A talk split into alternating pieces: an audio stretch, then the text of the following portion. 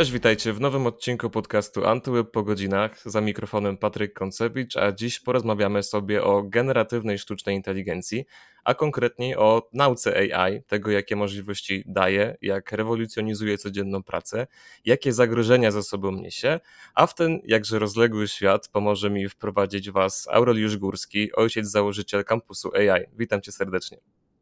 Cześć Patryk, witam Was serdecznie. Dziękuję za zaproszenie. Wiesz, gdy pierwszy raz usłyszałem nazwę Campus AI, a było to dość niedawno, to pomyślałem, że jesteście częścią e, jakiegoś wydziału większej uczelni czy coś w tym stylu. I w zasadzie te skojarzenia nie były jakieś dalekie od rzeczywistości, z tą różnicą, że stanowicie samodzielny byt i to funkcjonujący no, głównie w przestrzeni wirtualnej, ale ten trzon w postaci podmiotu niejako edukacyjnego jest chyba jak najbardziej zgodny, bo wy jako Campus AI w takim bardzo ogólnym rozumieniu zajmujecie się edukowaniem wszystkich tych, którzy są zainteresowani wykorzystywaniem narzędzi AI, czy to w edukacji, czy w biznesie, czy takim szeroko pojętym rozwoju osobistym. Dobrze to wyjaśniam? E, tak, no to wiesz, my jesteśmy na, na, takiej w tym momencie początku e, budowania naszej, naszej marki. Staramy się to robić w miarę świadomie, ale rzeczywiście Mm, ten fundament, y, mm, o którym mówiłeś, y, to jest dokładnie, dokładnie to, to, co robimy. Czyli w momencie, kiedy człowiek uczy się czegoś nowego, musi być w środowisku, w którym jest otoczony innymi ludźmi, którzy wiedzą coś, czego ta osoba nie wie. I y, świetnie do tego mm, nadają się właśnie takie płaszczyzny, jak właśnie social learning, platformy tego typu, więc można nas określić, że jesteśmy taką platformą do nauki społecznościowej a szczególnie AI jest e, ważną, e, jest, jest taką dziedziną, w której uczenie się wymaga tak jakby zdobywania wiedzy od innych, bo to jest dziedzina, która bardzo dynamicznie się zmienia i będzie się zmieniała pewnie jeszcze przez najbliższy czas. Natomiast ja gdzieś tam mam background jeszcze mocny w temacie budowania ekosystemów innowacji. Zbudowałem kilka dużych powierzchni coworkingowych w całej Polsce, wcześniej współpracując z akademickimi inkubatorami przedsiębiorczości, tworząc całą sieć e, tak zwanych business linków, a później e, przez 7 lat budowałem taką przestrzeń, która się nazywa CAC w centrum Warszawy i to jest taka chyba najbardziej e, prężnie działająca przestrzeń w obszarze tych centrów innowacji. Więc to, to słowo campus jest takim słowem, które my też często używamy w tej branży innowacyjnej na określenie takiego miejsca, budynku, przestrzeni, która łączy różnych ludzi. Okej, okay, no a jak zaczęła się ta przygoda? Skąd w ogóle pomysł na e, rozwijanie takiej platformy? Czy, czy to się pojawiło gdzieś w momencie tego e, boomu na, na AI, gdzie chat GPT, wiesz, trafiał na pierwsze strony gazet i wtedy pomyśleliście, że okej, okay, to jest ten moment, gdzie chcemy się wstrzelić w tą, w tą lukę, w tą niszę i zacząć edukować ludzi w tym temacie? E, wiesz co, tak, e, można powiedzieć, że był, był to taki moment, w którym, e, w którym zdaliśmy sobie sprawę, konkretnie 11 listopada 2020 roku, 2022 roku, kiedy, mm, kiedy świat usłyszał w równym, w tym samym czasie o czacie GPT i mieliśmy tę sytuację, w której 5 dni zarejestrowało się tam milion użytkowników, później w ciągu pierwszych dwóch miesięcy przebiło to tą magiczną barierę 100 milionów użytkowników, e, to wtedy ja sobie zdałem sprawę z tego, że będąc aktywnym użytkownikiem sztucznej inteligencji generatywnej już od jakiegoś czasu, E, że to jest moment, w którym praktycznie każdy będzie mógł być za chwilę przedsiębiorcą, każdy będzie mógł być e, innowatorem, każdy będzie mógł tworzyć. E, I tutaj mówimy mm, o, o, takim zniesieniu barier przede wszystkim, bo to jest to, co przynosi sztuk, generatywna sztuczna inteligencja, bo do tej pory musieliśmy być, no, mieć przynajmniej jakieś podstawowe kompetencje programowania, żeby bawić się z tą sztuczną inteligencją. E, to sztuczna inteligencja istnieje od dłuższego czasu, natomiast generatywna sztuczna inteligencja przyniosła do tej dziedziny ten e, niezwykle ważny komponent, którym jest e, to, że każdy, używając dowolnego komputera, może mieć dostęp do modeli wartych, na które przeznaczono miliardy dolarów, żeby je stworzyć i to tworzy no, szansę dla wielu osób na, na stanie się twórcą, tak? szczególnie tych osób, które nie są zbyt biegłe w obsługiwaniu zaawansowanych programów. I ja z racji tego, że od 12 lat zajmuję się budowaniem mm, przestrzeni coworkingowych i tworzeniem różnego rodzaju rozwiązań, programów dla, mm, nazwijmy to, startupów czy ludzi, którzy zajmują się innowacjami, już w tego słowa znaczeniu pomyślałem, że, że to jest ten moment, w którym można stworzyć koncepcję tak zwanej wirtualnej dzielnicy innowacyjnej. I to jest koncept, który chodził mi już po głowie od mniej więcej czasu pandemii, kiedy e, ja miałem przyjemność otwierać największą przestrzeń coworkingową w Polsce. No i przyszła pandemia, tak? I w momencie musieliśmy w ciągu kilku dni przenieść się wszyscy do takiego świata, który nazywamy hybrydowym ja z racji tego, że gdzieś tam mam background taki e, też w programowaniu, może nie tak bardzo zaawansowanym, mm, to zacząłem tworzyć różnego rodzaju takie rozwiązania, gdzie mm, środowiska mm, e, e, platform wideo, które umożliwiały tworzenie tych pokoi konferencyjnych i gdzie mogliśmy się spotykać w tych, w tych, tych czasach, zamieniałem w takie, w takie platformy, gdzie ktoś klikał w przestrzeń e, biurową, wchodził wtedy do konkretnego pokoju, więc staraliśmy się w tym okresie pandemii e, dawać ludziom odczucie, że jednak pomimo tego, że są zamknięci w domach, to jednak e, spotykają się w jakiejś wirtualnej przestrzeni. I od tamtej pory marzyłem o tym, że można by było stworzyć taki ekosystem. No i tutaj AI, rzeczy, które właśnie, mm, właśnie przynosi Apple, kon konkretnie Spatial Computing, e, no dały nam taką wyraźną wskazówkę, że to jest ten moment, w którym e, to, co było niemożliwe jeszcze dwa lata temu, dzisiaj być może będzie możliwe dzięki tym dwóm technologiom, czyli jeszcze bardziej zaawansowanym, zaawansowanemu podejściu do, do tworzeniu tych, tych wirtualnych przestrzeni, w których można wejść imersyjnie i, i zacząć e, wchodzić z nimi w interakcję jak i sztucznej inteligencji, gdzie już nie potrzeba mm, kompetencji programowania, tylko po prostu zakładając na przykład taką, takie gogle, wirtu, gogle do special computingu, można po prostu rozmawiać ze sztuczną inteligencją i wykonywać e, no, bardzo zaawansowane prace. Więc my nadal jesteśmy na początku tej, tej, tej drogi jako cywilizacja e, tworzenia tych rozwiązań, ale to już jest taki krok, który, e, który w mojej opinii przybliża nas do tego metaversu w dobrym tego słowa znaczeniu, niekoniecznie takim jak pokazuje to jedna z firm technologicznych, może dać nam wiele rozwiązań, które pomogą osobom, które w mniejszych miastach e, no nie mają szansy partycypować e, w, mm, w, na przykład w takim ekosystemie innowacji. Tak? W mniejszych miastach nie ma możliwości zbudowania olbrzymich biurowców, stworzenia e, tam centrów innowacji i tak dalej, a tworzenie takich rzeczy w przestrzeni wirtualnej ma coraz większy sens.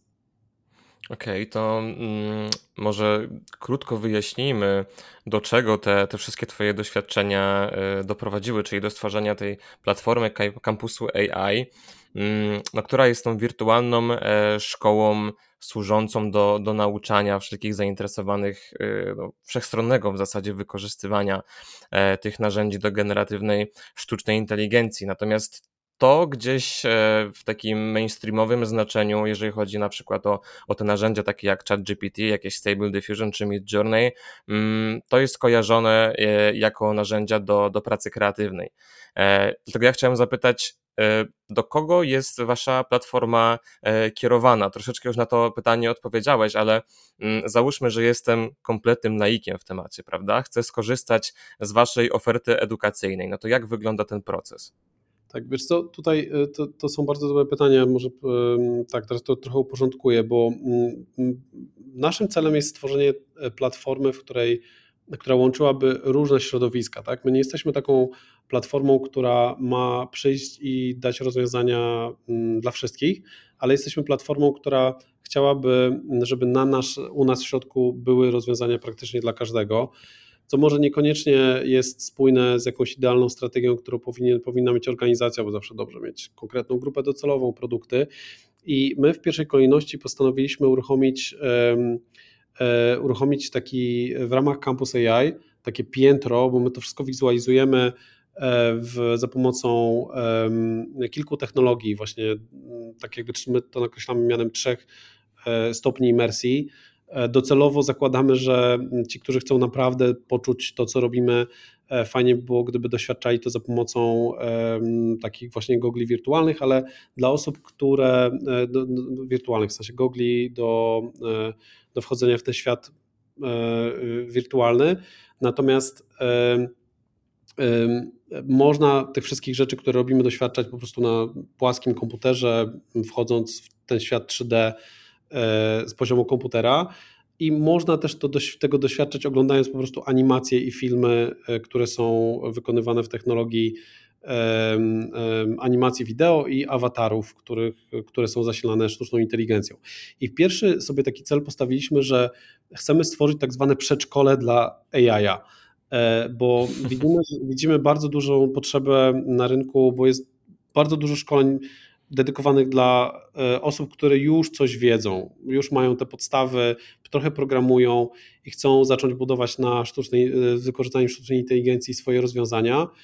E, jest też dużo osób, które już opanowało trochę działanie, e, działanie takich no, modeli konwersacyjnych, jak na przykład ChatGPT, potrafią korzystać z innych modeli e, do generowania obrazu, wideo, audio itd., tak itd. Tak Natomiast brakuje im czasami takiego zrozumienia, jakie miejsce sztuczna inteligencja będzie odgrywała w ich życiu, bo tu trzeba sobie zdać sprawę, że ta zmiana, która miała miejsce pod koniec 2022 roku, to jest zmiana o charakterze cywilizacyjnym. To oznacza, że my nigdy już więcej nie wrócimy do sytuacji sprzed powstania czata GPT, w którym mogliśmy powiedzieć: O, to co czytam w internecie zostało napisane przez człowieka. Dzisiaj tak jakby ciężko jest odróżnić e, czasami niektóre mm, wygenerowane na przykład e, treści mm, przez awatary od e, rzeczywistych nagrań robionych przez ludzi, tak? I coraz bardziej będziemy z roku na rok, zresztą to co pokazał no, kilka dni temu zaledwie OpenAI w postaci ich modelu Sora, to najlepiej pokazuje, jak bardzo zaawansowane za chwilę będziemy mieli narzędzia do na przykład kreowania treści wideo. I to są, to są rzeczy, które naprawdę już, tak jak jeszcze kilka miesięcy temu wszyscy na sztuczną inteligencję patrzyli na zasadzie, o, to są olbrzymie możliwości, to dzisiaj myślę, że takie rozwiązania jak, jak, jak Sora i już kilka innych modeli, które w zupełnie innych kategoriach występują, takie jak tworzenie modeli 3D i tak dalej, zaczynają powoli stawiać takie grube pytania, e, do czego to doprowadzi, tak? jak dużo zawodów to w jak, w jak szybkim czasie e, zmieni. Nie oznacza to, że wszystkie, wszystkie, wszystkie zostaną zastąpione, ale bardzo istotne jest to, żeby w równy sposób e, populację, da, dawać ludziom równy dostęp do tych narzędzi, do edukacji w tym zakresie. I, I takim pierwszym pytaniem, pierwszym celem, który sobie postawiliśmy, to jest pokazać sztuczną inteligencję jako tego naszego codziennego asystenta i stworzyliśmy taki, taki program Mi Plus AI, który jest na bazie e, wieloletnich badań naukowych Aleksandry Przegalińskiej, e, która bada to, w jaki sposób ludzie wchodzą w interakcję z, e, ze sztuczną inteligencją. Mamy to szczęście, że Ola, Ola jest z nami tutaj na pokładzie jako przedstawicielka Rady e, Naukowej i Ola ten temat bada od 10 lat. To nie jest tak, że my zaczęliśmy to, to robić e, no, chwilę temu, tylko mamy bardzo dobre zrozumienie to, w jaki sposób zmienia się podejście do pracy, kiedy ktoś dostaje, dostaje narzędzia sztucznej inteligencji. I z tych naszych badań wynika, tak no, Oli badań i zespołu, które my teraz jeszcze potwierdzamy już pracą, pracą E, naszych e, z wszystkich, nazwijmy to, studentów. E, chociaż ja mam tutaj duży, duży szacunek do tego, że my nie jesteśmy no, taką prawdziwą uczelnią, ale współpracujemy z uczelniami i tutaj takim naszym partnerem merytorycznym jest Akademia Leona Koźmińskiego, z którą prowadzimy szereg już inicjatyw. To widzimy, że to, co możemy już teraz powiedzieć, to przy współpracy ze sztuczną inteligencją E, możemy zaobserwować takie 40% wzrost satysfakcji, e, e, przepraszam, efektywności i 60% wzrost satysfakcji z pracy. Czyli ktoś, kto wykonywał jakąś pracę, czasami im bardziej ona jest rutynowa, tym tak jakby ten współczynnik jest, jest większy.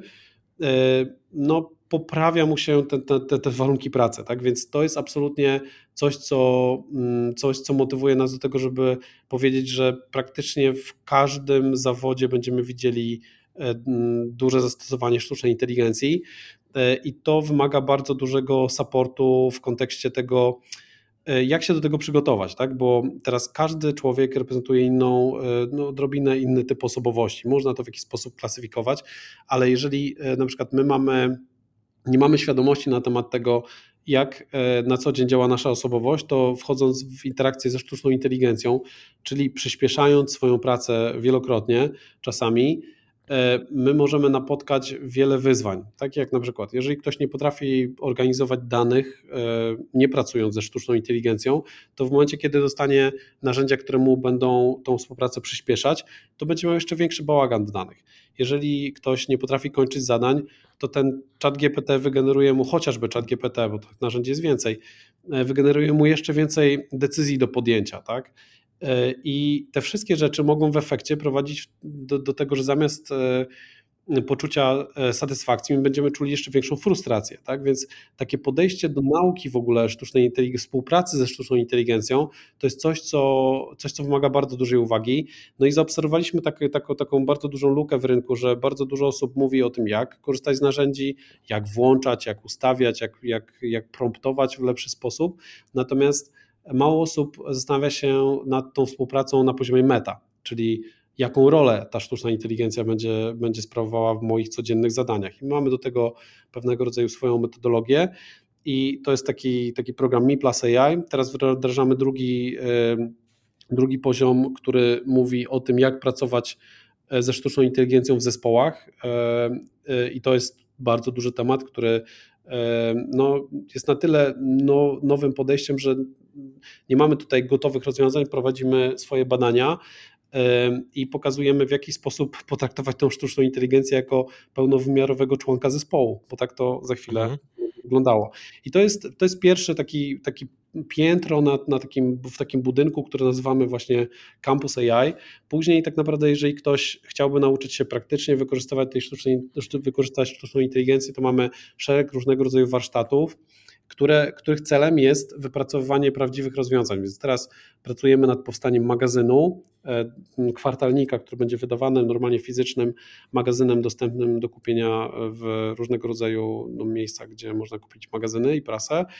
E, będziemy wydawali książki, mamy, e, mamy jeden, jeden, jeden dział projektowy poświęcony dla współpracy sztucznej inteligencji, ludzi i artystów. E, więc jest tam dużo takich praktycznych, e, praktycznych warsztatowych rzeczy. Mamy jedno piętro, które jest dedykowane do reskillingu, czyli e, uczenia się nowych zawodów, więc na przykład jeżeli ktoś chciałby się uczyć programowania, to mamy taką dedykowaną, dedykowaną sekcję do tego i to wszystko jest robione w metaforze siłowni. Ten projekt się nazywa AI Gym. Mamy też piętro, które będzie uruchamiane za kilka miesięcy w drugiej połowie 2024 roku, które będzie wirtualnym inkubatorem, ono będzie połączone z akceleratorem. W tym momencie założyliśmy fundusz inwestycyjny, który będzie wspierał jeszcze powstawanie nowych, nowych inicjatyw. E, więc jest to pewnego rodzaju kompleksowa, kompleksowe podejście do, mm, do budowania rozwiązań, e, które ludzie będą potrzebowali w procesie odkrywania możliwości, które daje sztuczna inteligencja. Natomiast to jest tylko jeden budynek, który planujemy w ramach całej dzielnicy, którą, którą budujemy, tylko że kolejne budynki będą już robione z partnerami. Ja mógłbym pewnie troszkę o nich opowiadać, ale no to będzie czas w drugiej połowie tego roku, e, więc e, no, robimy ciekawy projekt. Myślę, że już taki projekt, który gdzieś tam zyskuje też zainteresowanie międzynarodowej społeczności, więc w tym roku też planujemy e, wyjść na pierwsze rynki zagraniczne, żeby, mm, żeby pokazać, że powstało tu coś fajnego i stworzyć takie holistyczne podejście do, do nauki współpracy ze sztuczną inteligencją, już nie tylko wykorzystywania jej. No, to wszystko, o czym mówisz, czyli e, te możliwości, e, współpraca, ułatwianie e, jakichś codziennych zadań, czy podnoszenie poziomu satysfakcji, to wszystko brzmi fantastycznie. Natomiast też te narzędzia AI niosą ze sobą pewne zagrożenia, pewne wątpliwości, i wy na waszej stronie macie taką informację, że Campus AI to jest pierwsza w Polsce szkoła wyspecjalizowana w nauce profesjonalnego i etycznego wykorzystywania sztucznej inteligencji e, w modelu Collaborative AI. I o tym, czym jest Collaborative AI, możemy sobie zaraz do tego wrócić, ale najpierw chciałbym zapytać o to, czym według Was jest etyczne wykorzystywanie sztucznej inteligencji, bo zakładam, że w tą definicję wpisują się też poniekąd kwestie e, praw autorskich, e, ale pewnie znaczenie tego terminu jest dużo szersze, nie? Tak. Wiesz co, to, to, jest, to jest bardzo mm, rozległy temat. My jesteśmy jako cywilizacja gdzieś tam na początku regulowania tego, w jaki sposób sztuczna inteligencja powinna być, e, powinna być wykorzystywana. I myślę, że ten mm, AI Act e, to bardzo dobrze, mm, że tak powiem, definiuje już na poziomie prawnym. Więc e, mówiąc o etycznym wykorzystaniu sztucznej inteligencji, przede wszystkim zależy nam na tym, żeby sztuczna inteligencja wzmacniała e, człowieka. E, I to jest, to jest taka, taka podstawowa rzecz, o którą, e, o którą walczymy, żeby pokazywać, w jaki sposób możemy wzmacniać na przykład pracowników w środowisku pracy, zamiast myśleć o tym, jak wykorzystać tą sztuczną inteligencję do automatyzowania procesów i zwalniania ludzi. Zresztą to jest taki też e, mm, błędny sposób myślenia, bo wiele osób myśli o tym, że o tutaj sztuczna inteligencja pomoże mi rozwiązać wszystkie problemy biznesowe i będziemy w stanie zmniejszyć ilość osób, które będą, będą pracowały. No nie jest tak do końca, dlatego że sztuczna inteligencja, wdrażanie tych rozwiązań, te osoby, które pracują nad tym, e, no myślę, że świetnie rozumieją też ograniczenia e, wykorzystania tego i to, to wdrażanie sztucznej inteligencji nie jest jeszcze dzisiaj E, wcale takie tanie, e, ale kiedy będzie tańsze, chcemy, żeby ludzie myśleli o tym w kategorii tego, jak możemy e, wzmacniać człowieka. To jest, to jest pierwsza rzecz.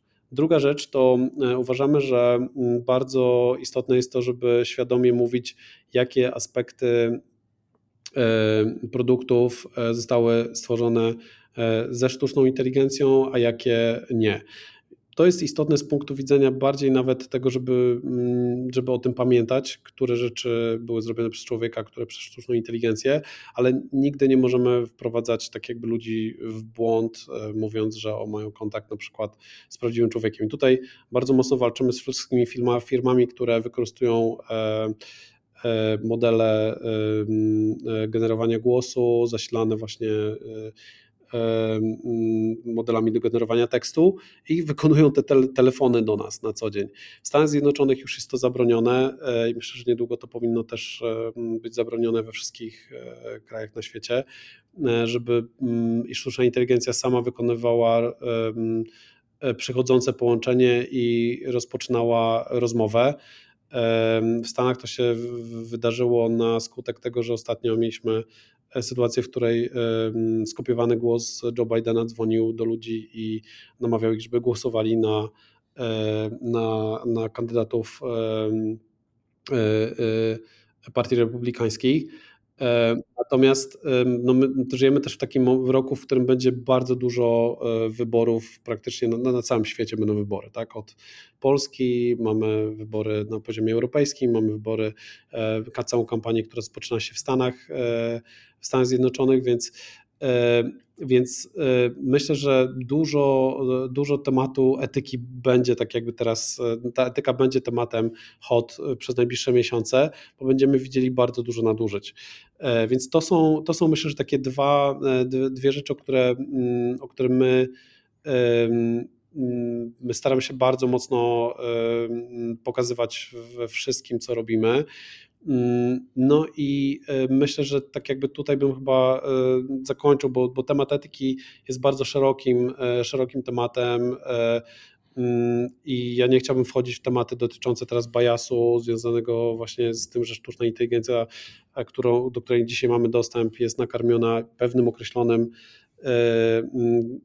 kontentem, mm, który zawiera bardzo dużo no, pominięć, tak? Szczególnie, e, e, więc, więc sama sztuczna inteligencja, e, jej wykorzystanie musi być bardzo świadomie wdrażane, dlatego że po prostu mm, możemy zacząć stosować rzeczy na dużą skalę i pomijać bardzo, waż, bardzo wiele ważnych aspektów w trakcie podejmowania różnego rodzaju decyzji.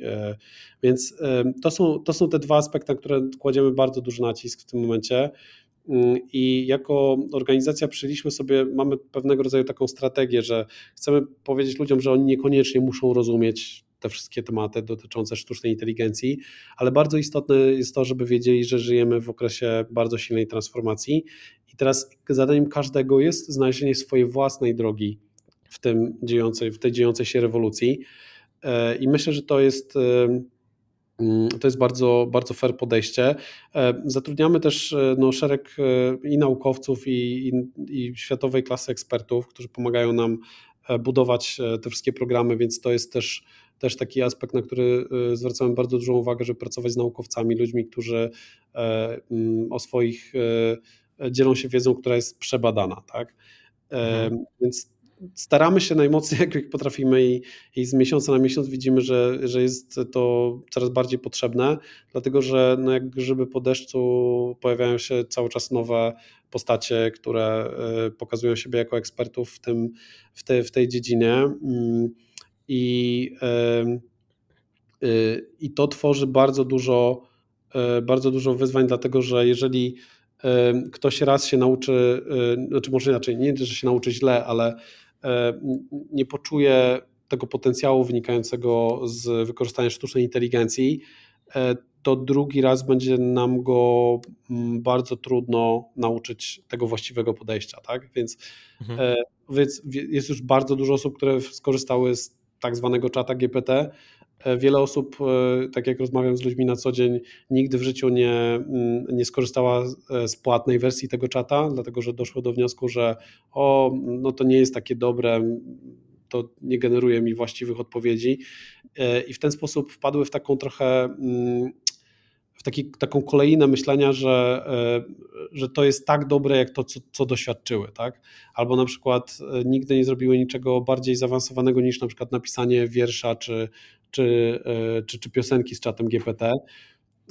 No i w ten sposób, stawiając taką osobę obok osoby, która potrafi świadomie wykorzystać to narzędzie do tego, żeby usprawnić zadania, które robi na co dzień, no to to są osoby, które, których efektywność może być e, tak jakby różna na poziomie, nie wiem, 10 razy, tak? W sensie 1000% e, bardziej efektywna osoba, która wykorzystuje czata GPT. Natomiast kolejna rzecz to jest jeszcze to, że bardzo mało osób e, zdaje sobie sprawę z tego, że mm, że mm, karmienie tego czata GPT w wersji podstawowej danymi, że tak powiem, wrażliwymi E, no to można by nawet potraktować jako pewnego rodzaju no, nadużycie w kontekście prawa RODO.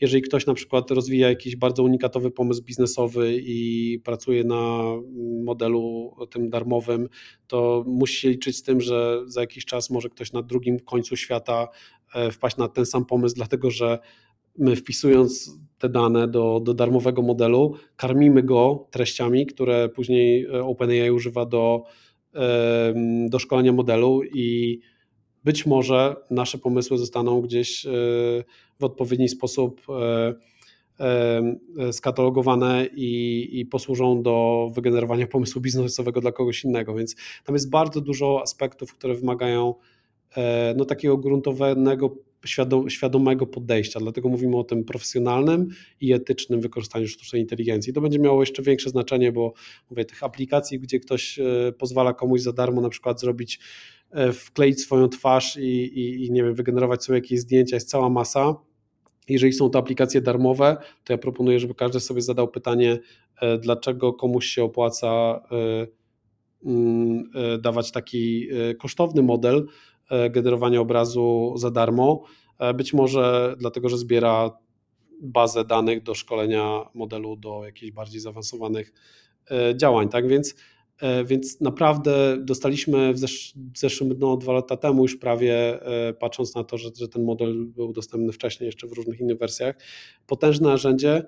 Absolutnie nie jesteśmy do tego przygotowani jako cywilizacja absolutnie menadżerowie nie są do tego przygotowani, żeby tworzyć dla swoich pracowników polityki wykorzystania E, generatywnej sztucznej inteligencji, więc na przykład taki menadżer mówi, o w ogóle nie możecie korzystać ze sztucznej inteligencji generatywnej, a później ci pracownicy co robią w trybie incognito, gdzieś tam pracują sobie mm, poza mm, świadomością pracodawcy, tak, wyprowadzając w ten sposób dane. E, I więc e, tak, no to jest du dużo aspektów.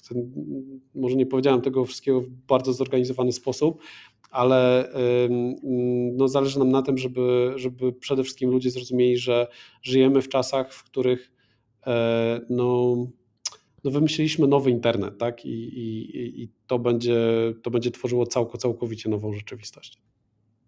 No to zostawmy sobie tą e, etykę już na chwilę i, i może skupę się na chwilę na tym czacie GPT, bo on tutaj wielokrotnie się pojawił w naszej rozmowie i przejrzałem też sobie pokrótce ten e, wasz schemat nauczania i tam jest dużo tego czatu GPT, który jest oczywiście tym chatbotem, który najbardziej przebił się do głównego nurtu, ale czy wy też zakładacie e, naukę innych narzędzi, innych chatbotów, no bo mamy też przecież Bing Chat czy, czy Google Bard, czy wy też widzicie potencjał tych konkretnych narzędzi w waszym e, systemie edukacji, w waszej platformie?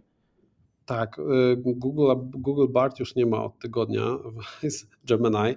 E, to no tak, no to kwestia nomenklatury, no tak. Powiem żartu powiem. Natomiast tak, my, my przyjęliśmy taki schemat, że uczymy, uczymy podstaw na czacie GPT, natomiast prezentujemy w tym kursie również inne alternatywne tak zwane modele konwersacyjne, tak, bo chat GPT jest pewnego rodzaju taką bardzo prostą nakładką na e, model GPT stworzony przez OpenAI. E, natomiast później pokazujemy, jak dostać się do tego e, głównego modelu, jak pracować już na bardziej zaawansowanych narzędziach.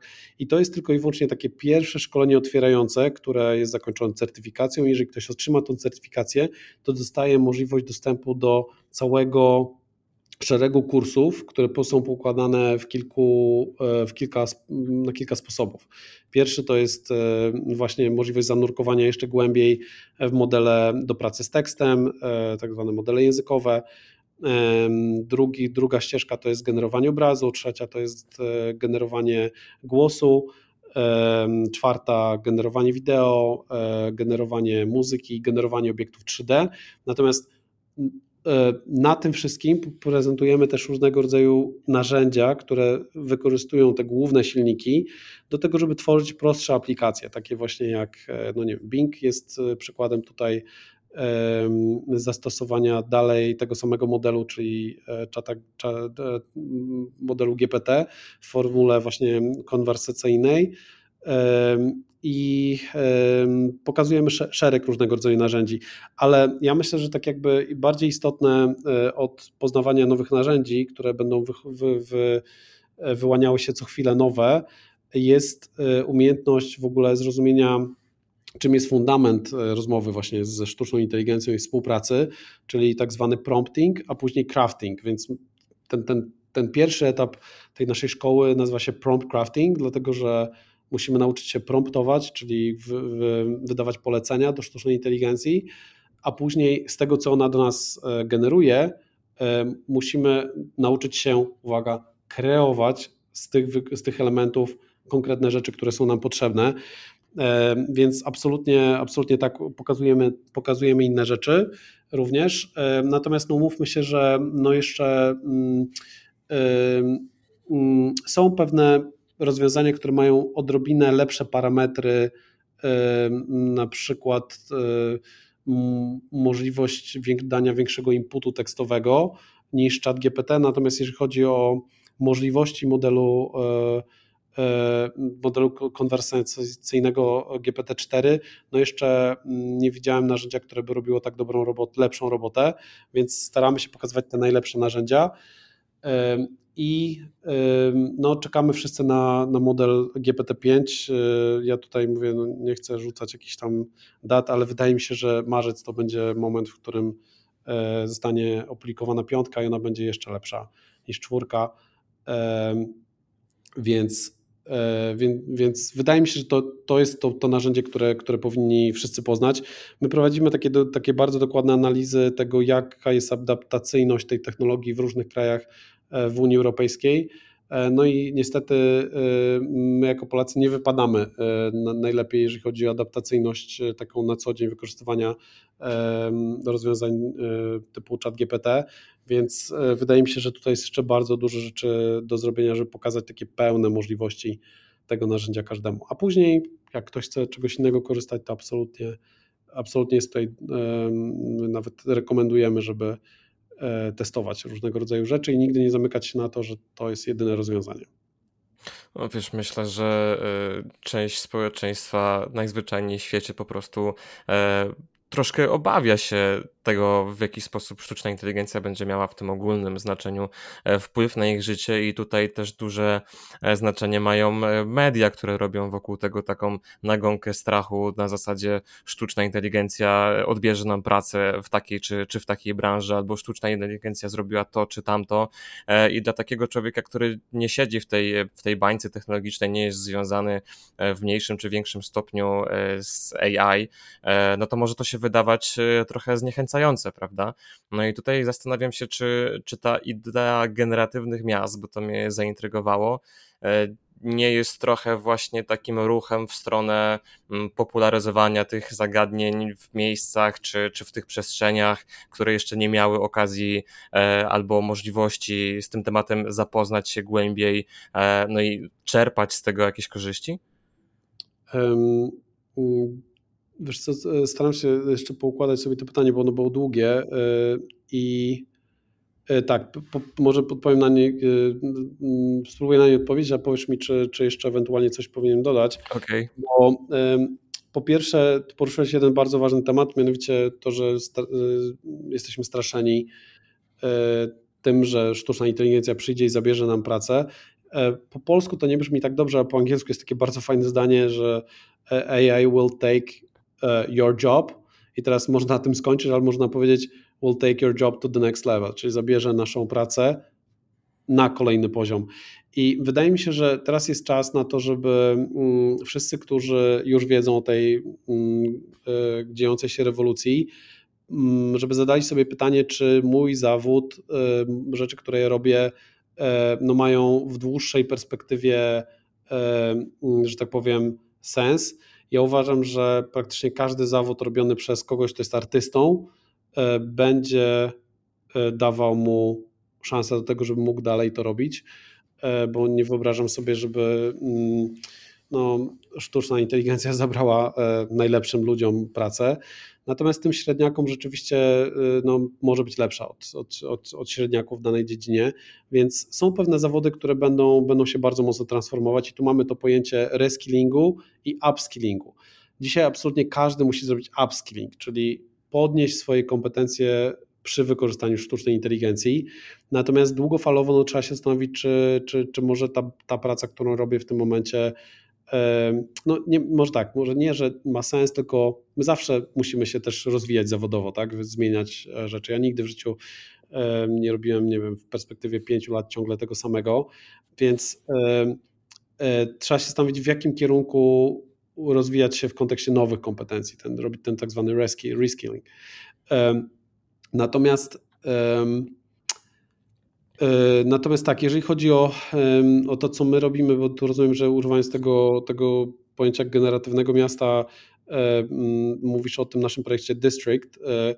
E, my chcemy stworzyć takie, taką wirtualną przestrzeń, gdzie ludzie mogą doświadczyć tego, czym jest adaptowanie sztucznej inteligencji w różnego rodzaju branżach i stworzyć takie technologiczne sandboxy, gdzie na przykład ktoś na bazie naszej technologii może zobaczyć, jak może na przykład E, zautomatyzować e, e, no nie wiem, pracę na przykład radia, tak? I tu nie chodzi o to, że, że teraz, nie wiem, stacje radiowe powinny wykorzystywać sztuczną inteligencję, żeby generować treści, bo myślę, że mm, jeżeli ktoś rozumie, czym jest właśnie radio, to chodzi właśnie o tą interakcję człowieka. Natomiast jest tam dużo rzeczy, które po prostu można by było mm, zautomatyzować i w ten sposób ludzie, którzy pracują w tym radio, mogliby zająć się rzeczami ważniejszymi tak? I, ale na przykład tworzenie, wykorzystanie sztucznej inteligencji i zmniejszenie tej ilości pracy, na przykład w kontekście tego tworzenia własnego radia, daje szansę wielu osobom do tego, żeby na przykład one zaczęły robić własne radio. Tak jak na, na przykład ty jako pewnie twórca, to może tobie zadam pytanie, który być może powinien być przerażony tym, że jest sztuczna inteligencja, to jednak wydaje mi się, że znalazłeś już szereg narzędzi, które usprawniają Twoją pracę i na przykład nie musisz spędzać godziny e, czasu, żeby na przykład wycinać e, jakieś niepotrzebne fragmenty z podcastu, e, bo dzisiaj jest to w stanie zrobić na przykład sztuczna inteligencja, tak? albo podkręcić mój głos, który być może nie jest zbyt wyraźny, żeby brzmiał lepiej. I, i, i to jest tak jakby dobry przykład wykorzystania sztucznej inteligencji, tak? Wtedy ty możesz robić rzeczy bardziej samodzielnie. Możesz na przykład wygenerować do takiego podcastu e, na przykład e, ikonę na, na, na, na te różne platformy streamingowe e, i zaoszczędzić troszeczkę czasu, tak? I jako jednoosobowy zespół możesz zrobić troszeczkę więcej. I teraz no, minusem jest to, że być może wcześniej potrzebowałeś kilku innych osób z innymi kompetencjami, e, ale plusem jest to, że ty jako twórca możesz e, zrobić dokładnie to, co ty chciałeś na przykład, tak? I e, wtedy na przykład być bardziej niezależnym twórcą i mm, to jest na przykład pozytywna rzecz, bo jako osoba, która na co dzień obserwuje powstawanie startupów od ponad 12 lat.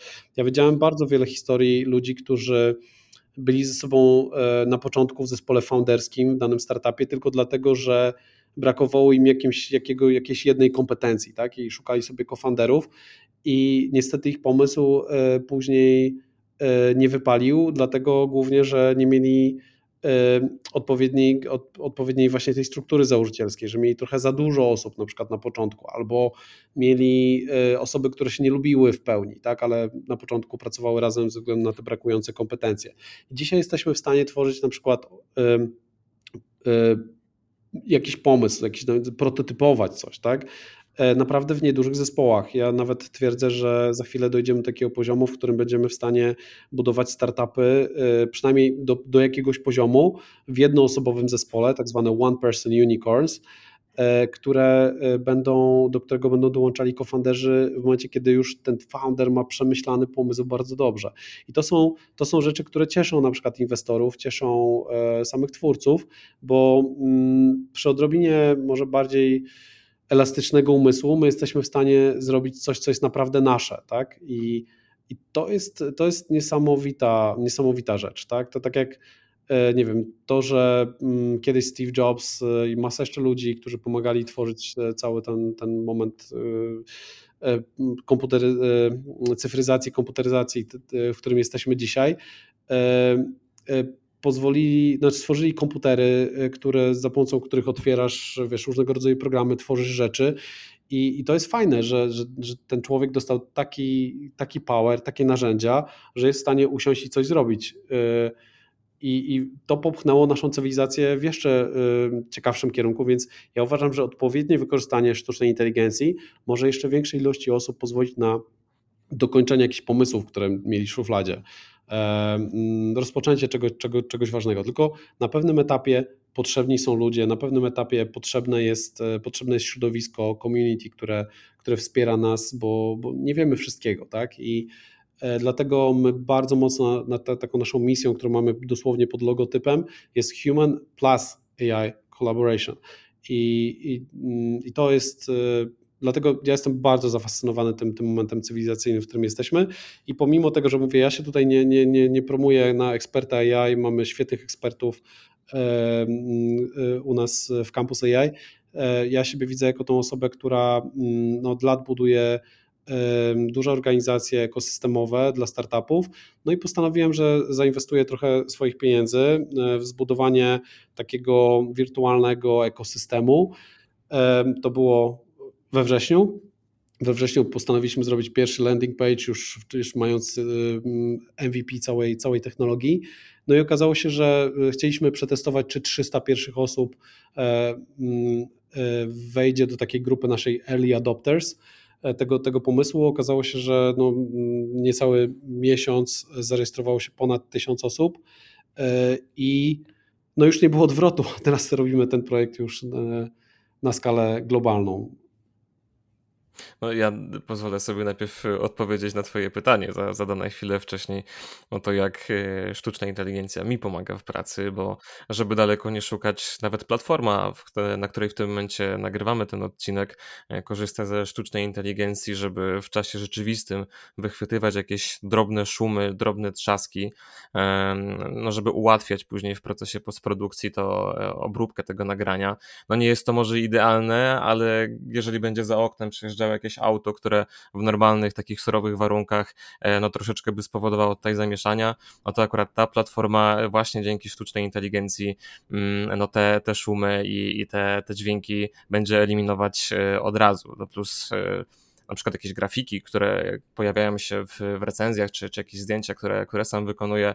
E, też AI pomaga mi na przykład e, w ustawianiu ich do odpowiedniej rozdzielczości, odpowiednich e, wymiarów, które nadają się na stronę. Nie muszę tego ręcznie gdzieś robić w Photoshopie, więc no tak, korzystam z narzędzi AI codziennie, nawet też prywatnie, na przykład do, do tłumaczenia jakichś artykułów, czy to z francuskiej, czy z jakiejś azjatyckiej pracy, prasy, bo też się takie przypadki zdarzają, bo niestety tych języków aż tak dobrze nie znam, czy na przykład też e, opłacam Midjourney, żeby po prostu się bawić tą technologią, e, sprawdzać jak, na jak zaawansowanym stopniu to jest.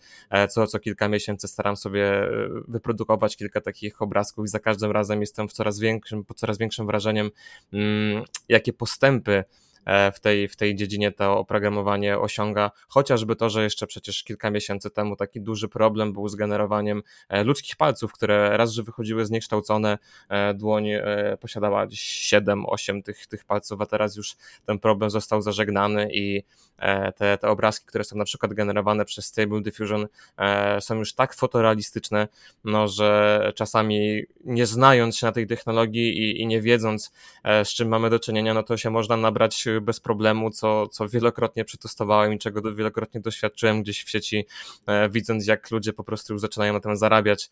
To jest e, chociażby ten trend, który teraz e, bardzo mocno po sieci krąży, czyli te kobiety generowane przez AI, które później mają zakładane jakieś konta na OnlyFansach, no to jest w tym momencie plaga i też w pewien sposób pokazuje, że nie jesteśmy przygotowani, nie mamy odpowiedniej wiedzy, do tego, żeby rozpoznawać e, tą technologię i, i żeby się w pewien sposób na to uodpornić. I to też w szerszym rozumieniu rzuca takie też światło na to, mm, jak mocno sztuczna inteligencja będzie mogła być wykorzystywana chociażby w jakiejś propagandzie, czy, czy tak jak wcześniej mówiłeś, e, do jakiegoś manipulowania mm, wyborami.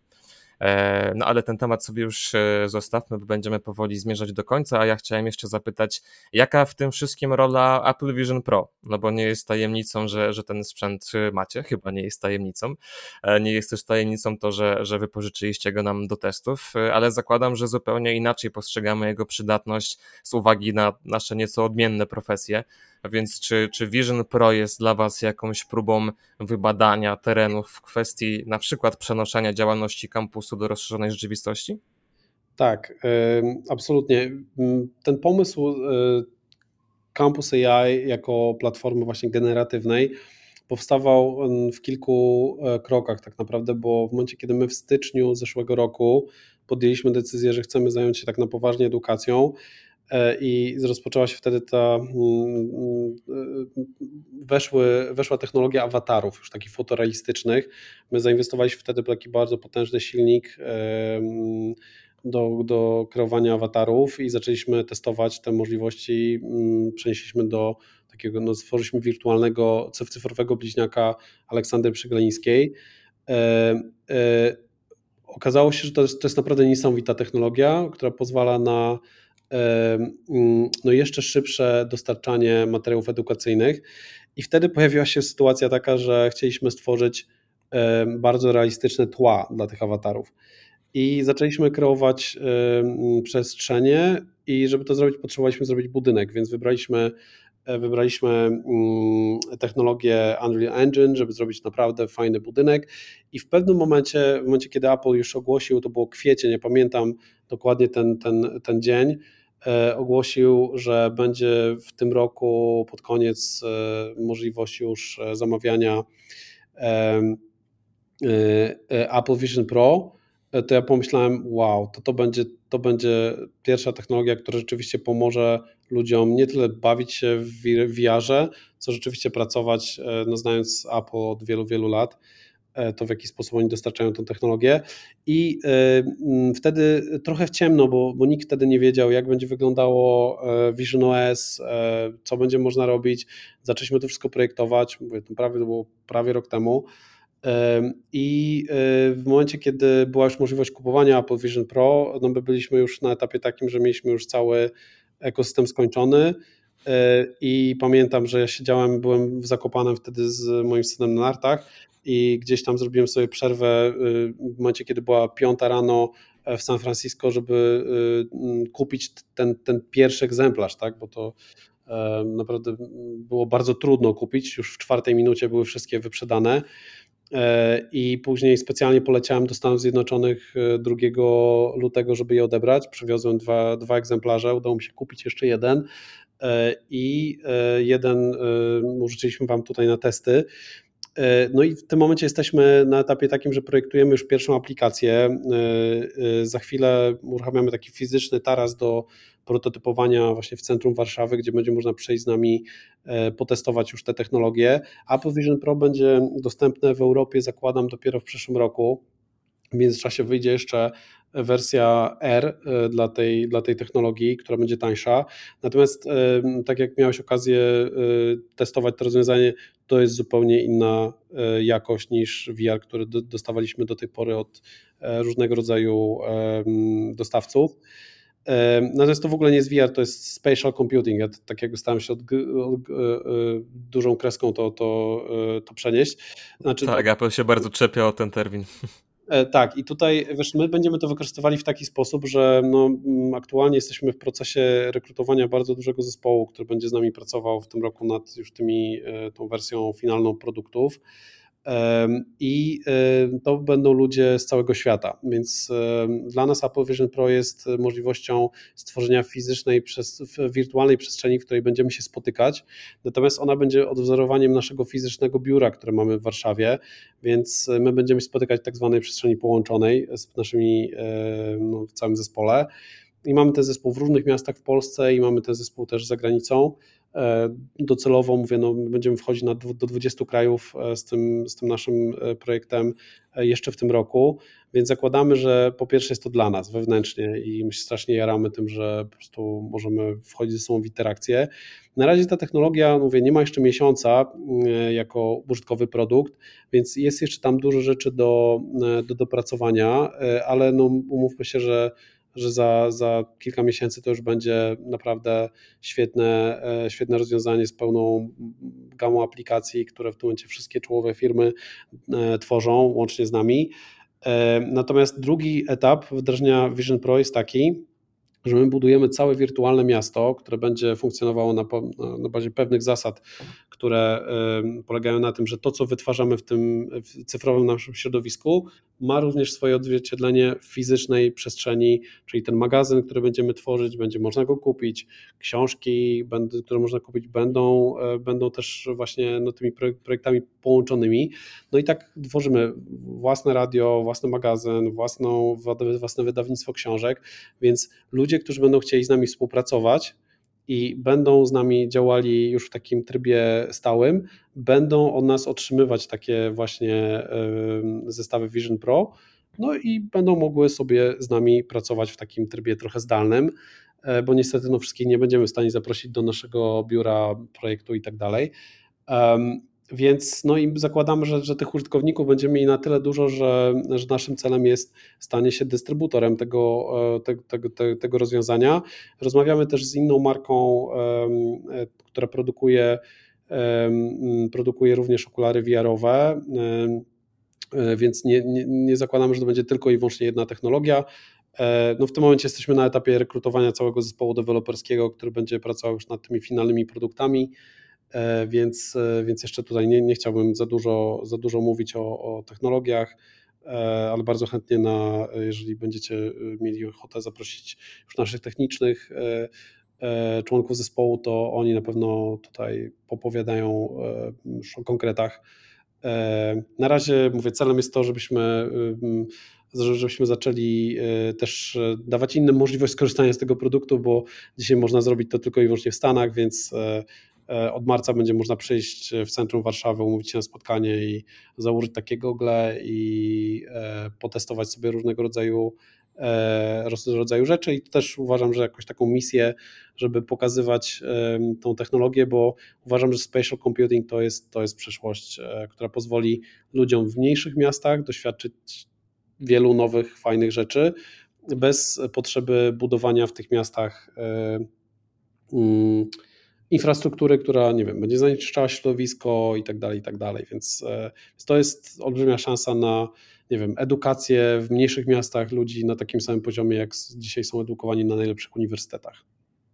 A czy uważasz, że mm, Apple Vision Pro w takim momencie, tej pierwszej generacji, e, nadaje się jako urządzenie do, do faktycznej pracy? I, I, pytam Cię teraz, e, tak już stricte jako, jako użytkownika tego sprzętu, e, dlatego że dla mnie, przynajmniej po tych kilku dniach, których miałem okazję z nimi spędzić, to jest jeszcze bardziej takie demo technologiczne, które, którego fajnie doświadczyć, który jest ciekawym takim experiencem pod względem na przykład oglądania filmów czy przechodzenia sobie do tych landscape'ów, e, generalnie doświadczenia e, tego, tej rozszerzonej rzeczywistości po raz pierwszy.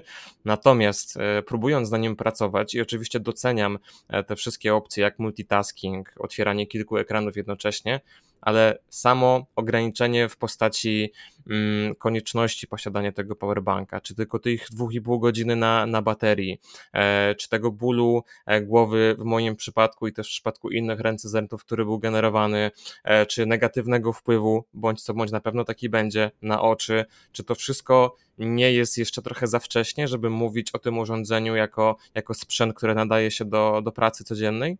E, do pracy codziennej wydaje mi się, że nie. E, tak jak, e, znaczy, może wiesz, zacznijmy od jednej rzeczy, że Apple w momencie, kiedy kupujesz takie rozwiązanie, masz organizowane spotkanie, to jest około półgodzinnego spotkania, takiego trochę to nazywam rytuałem, gdzie oni no, deklarujesz, jaką masz wadę wzroku, oni mogą pomóc badać tą wadę wzroku, dobierają ci odpowiednie soczewki, więc to jest bardzo E, ważny proces, który akurat w Twoim przypadku był pominięty, dlatego że no, dostałeś rozwiązanie bez odpowiednich soczewek, tak, dopasowanych do Twojego być może wady wzroku.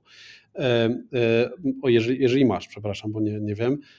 Natomiast, więc Apple robi bardzo dużo starań, żeby tak jakby ten wzrok się nie psuł mm, w porównaniu z rozwiązaniami, które możesz kupić sobie przez internet, przychodzą ci i nikt tak naprawdę o to nie dba. Druga rzecz to E, tak masz rację, że to jest jeszcze za ciężkie, e, żeby to było wygodne, tak? Natomiast no, ja bardzo, powiem szczerze, doceniłem, jak teraz miałem 4-godzinny lot i 4 godziny mi wytrzymała bateria i mogłem sobie, bo leciałem e, Wizerem i więc zwykle podróżuję w trasie, klasie ekonomicznej, ale akurat w Wizerze ta klasa ekonomiczna jest bardzo, bardzo limituje przestrzeń na to, żeby mieć laptopa rozłożonego przed sobą, więc w momencie, kiedy otworzyłem laptopa, ekran pojawił mi się jako duży ekran. Mogłem e, sobie wygodnie pisać, widząc to co, to, co, to, co robię, pracować jeszcze na innych ekranach. No to było dla mnie taki dobry use case tak, tego, tej, tej, tej technologii.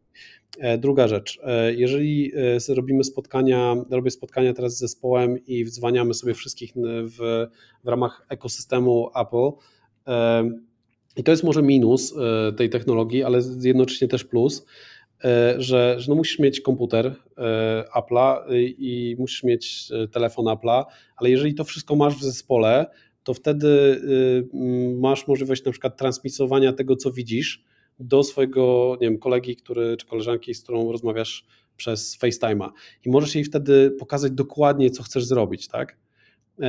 I spotykanie się, to już my pracujemy teraz nad aplikacją, która umożliwi E, spotkanie się dwóch osób w przestrzeni pracy na, na, na, na tych samych e, narzędziach, czyli tworzymy taką wirtualną przestrzeń do współpracy, no to jest coś niesamowitego, że jesteś w jednej przestrzeni i tak jak masz te rozwiązania, które pozwalają przez internet pracować wielu osobom e, jednocześnie, no to tutaj to jeszcze jest w ujęciu przestrzennym. I teraz to, co jest najlepsze w tej technologii, to jest to, że jak sobie te wszystkie okna porozkładasz w jednym pokoju, to możesz następnego dnia do tego pokoju wrócić i one są dalej w tym samym miejscu. Mhm. I to jest, y, wiesz, to, to, są, to są use cases i ja myślę, że no, ja dzisiaj pracuję około tam dwóch, trzech godzin w tych, tych okularach praktycznie codziennie. kolejne dwie godziny spędzam na, na pokazywaniu tej technologii innym, bo, bo to jest, wiesz, jesteś w kawiarni, robisz, pracujesz, podchodzą ludzie, pytają, czy mogą spróbować. No i, i więc ja de facto z tą technologią spędzam bardzo dużo czasu dziennie, ale nie wiem, czy, czy dzisiaj bym był, powiedział, że, że, że chciałbym tak spędzać wiesz, dużą ilość czasu. Myślę, że jak najmniej, ale możliwość pokazywania ludziom rzeczy przestrzennie to jest, wiesz, coś, coś o czym e, taka osoba jak ja, która, której pracą jest e, budowanie jakiejś wizji, a później pokazywanie tej wizji ludziom, zatrudnianie e, właściwych ludzi na właściwe stanowiska i mówienie im, hej, zróbmy to, to to jest, to jest dla mnie potężne narzędzie, bo ja mogę zbudować coś w świecie, do, w silniku do gier komputerowych, pokazać jak chciałbym, żeby to wyglądało i później powiedzieć, zróbmy to w świecie rzeczywistym. I każdy widzi to tak samo, tak? I, i może wchodzić w interakcję z tymi rzeczami.